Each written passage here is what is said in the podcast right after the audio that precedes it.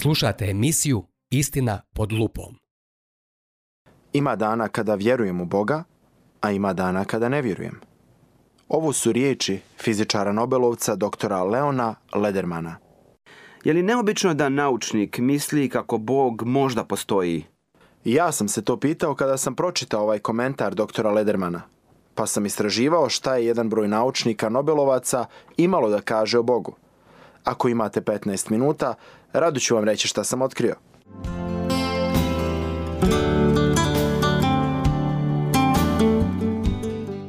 Recite mi nešto više o izjavi koju ste malo prije citirali.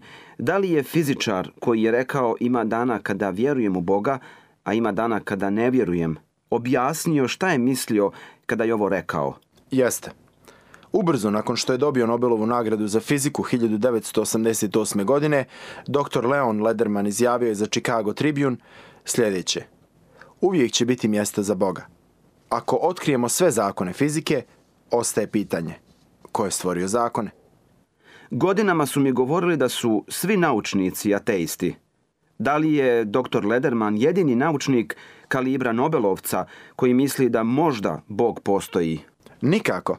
Njemački fizičar Max Born dobio je 1954. godine Nobelovu nagradu u oblasti fizike za njegov rad na kvantnoj mehanici. Born je jednom rekao Oni koji kažu da nauka od čovjeka stvara testu, mora da su prilično nerazumni ljudi. Zašto je to rekao? Dalje nije ništa rekao. Ali drugi, laureati Nobelove nagrade, objasnili su zašto vjerovati u Boga za njih ima smisla.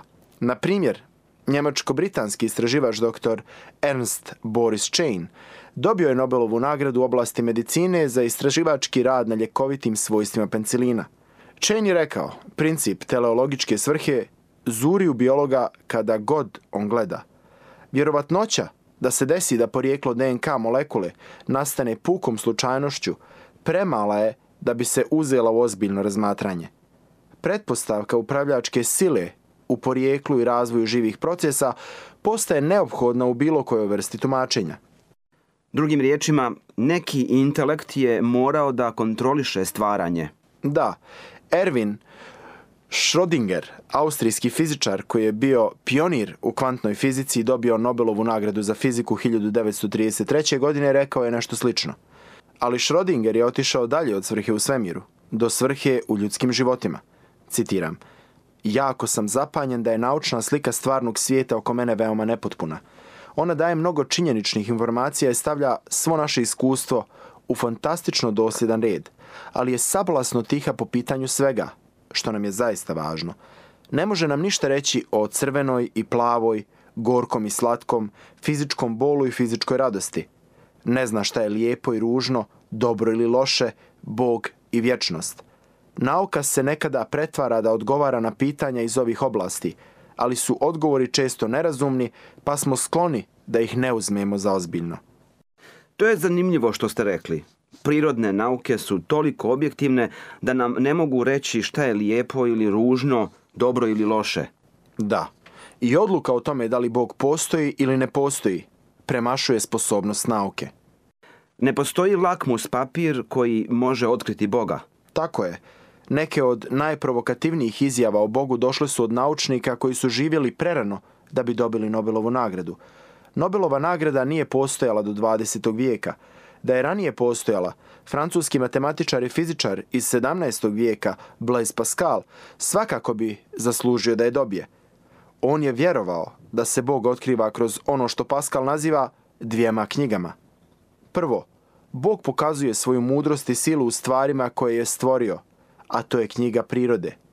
Drugo, Bog daje dodatne informacije o njemu u svojoj pisanoj riječi, Bibliji. Citiraću Paskala.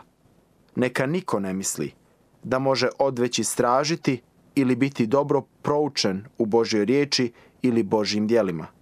To je nešto novo za mene. Ideja da je priroda knjiga koju je Bog napisao i da mi možemo naučiti nešto o Bogu proučavajući svijet koji je stvorio – Recite mi nešto više o tome. Mnogo. Možete reći o inženjeru ili umjetniku, a da ga nikada ne upoznate. Pogledajte sliku ili napravite test vožnju nekog auta i moći ćete reći koliko talenata ta osoba ima i s koliko pažnje je uradio svoj rad. Slično tome, Biblija kaže u psalmu 19, u prvom i drugom stihu, nebesa slavu Božju kazuju, navješta svod nebeski dijelo ruku njegovih. Dan danu to objavljuje, a noć noći glas predaje. Drugim riječima, poredak nebesa pokazuje mudrost i red Boga koji ih je stvorio. Da. Biblija dodaje da je knjiga prirode tako jasna da je jedini način da ljudi promaše njenu poruku namjerno zatvaranje njihovih umova. Biblijska knjiga poslanice Rimljanima u prvom poglavlju od 18. do 20. stiha kaže otkriva se doista s neba gnjev Božiji na svaku bezbožnost i nepravednost ljudi koji istinu sputavaju nepravednošću. Jer što se o Bogu može spoznati? Očito im je. Bog im očitova. U istinu, ono nevidljivo njegovo, vječna njegova moć i božanstvo. Onamo od stvaranja svijeta, umom se po dijelima razbire tako da nemaju isprike. Dok istražujemo galaksije ili DNK, mi vidimo Božju mudrost i silu u njima. Da, Pascal je dodao. Bog je pružio dovoljno dokaza za svoje postojanje da je učinio vjerovanje mogućim, ali nije pružio dovoljno dokaza da učini to vjerovanje prisilnim. Da li on kaže da se Bog dovoljno objavljuje kako bismo mogli vjerovati u njega? Ali Bog se ne objavljuje toliko uvjerljivo da nas primorava da vjerujemo. Tako je. Bog poštuje našu inteligenciju tako što nas podstiče da razmišljamo dok ga otkrivamo. I on poštuje našu slobodu tako što nas ne primorava da vjerujemo protiv naše volje.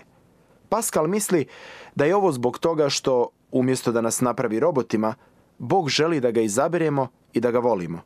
Pascal je rekao da ako bi nam Bog pokazao svu njegovu silu i mudrost, to ne bi proizvelo ljubav, već strah – Dakle, bilo je nekoliko istaknutih naučnika koji su vjerovali u Boga. Da, mnogi naučnici su otkrili da što više saznaju o prirodi, to im je lakše da vjeruju u Boga. To me podsjeća na izjavu koju je neko dao. Priroda je posljedica čiji uzrok je Bog. To je dobar rezime onoga što su Pascal i drugi otkrili. Prije nego nam vrijeme istekne, želim citirati jednog američkog fizičara iz 20. vijeka, doktora Artura Holija Comptona – Compton je dobio Nobelovu nagradu iz oblasti fizike za otkriće Comptonovog efekta rentgenskih zraka. Dr. Compton je napisao, za mene vjera počinje shvatanjem da je uzvišena inteligencija stvorila svemir i čovjeka.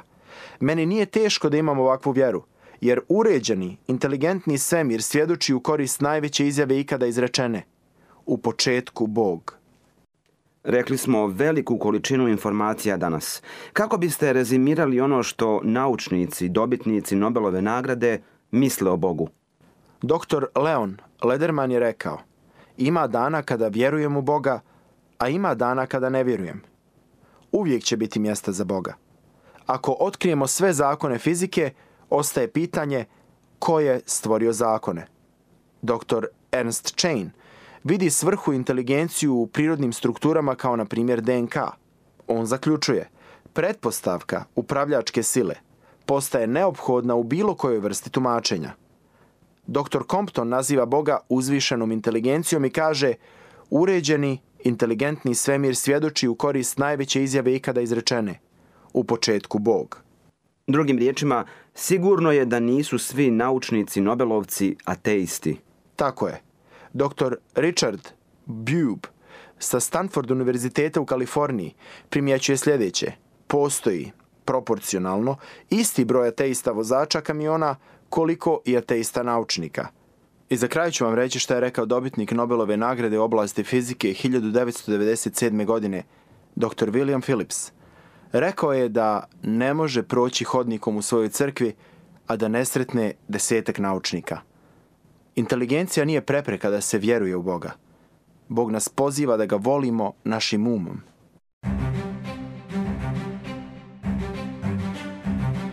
Hvala vam što ste slušali današnju emisiju. Kontaktirajte nas putem našeg e-maila putpravednosti.bih.gmail.com ili putem naše Facebook stranice Put pravednosti. Do sljedećeg slušanja. thank you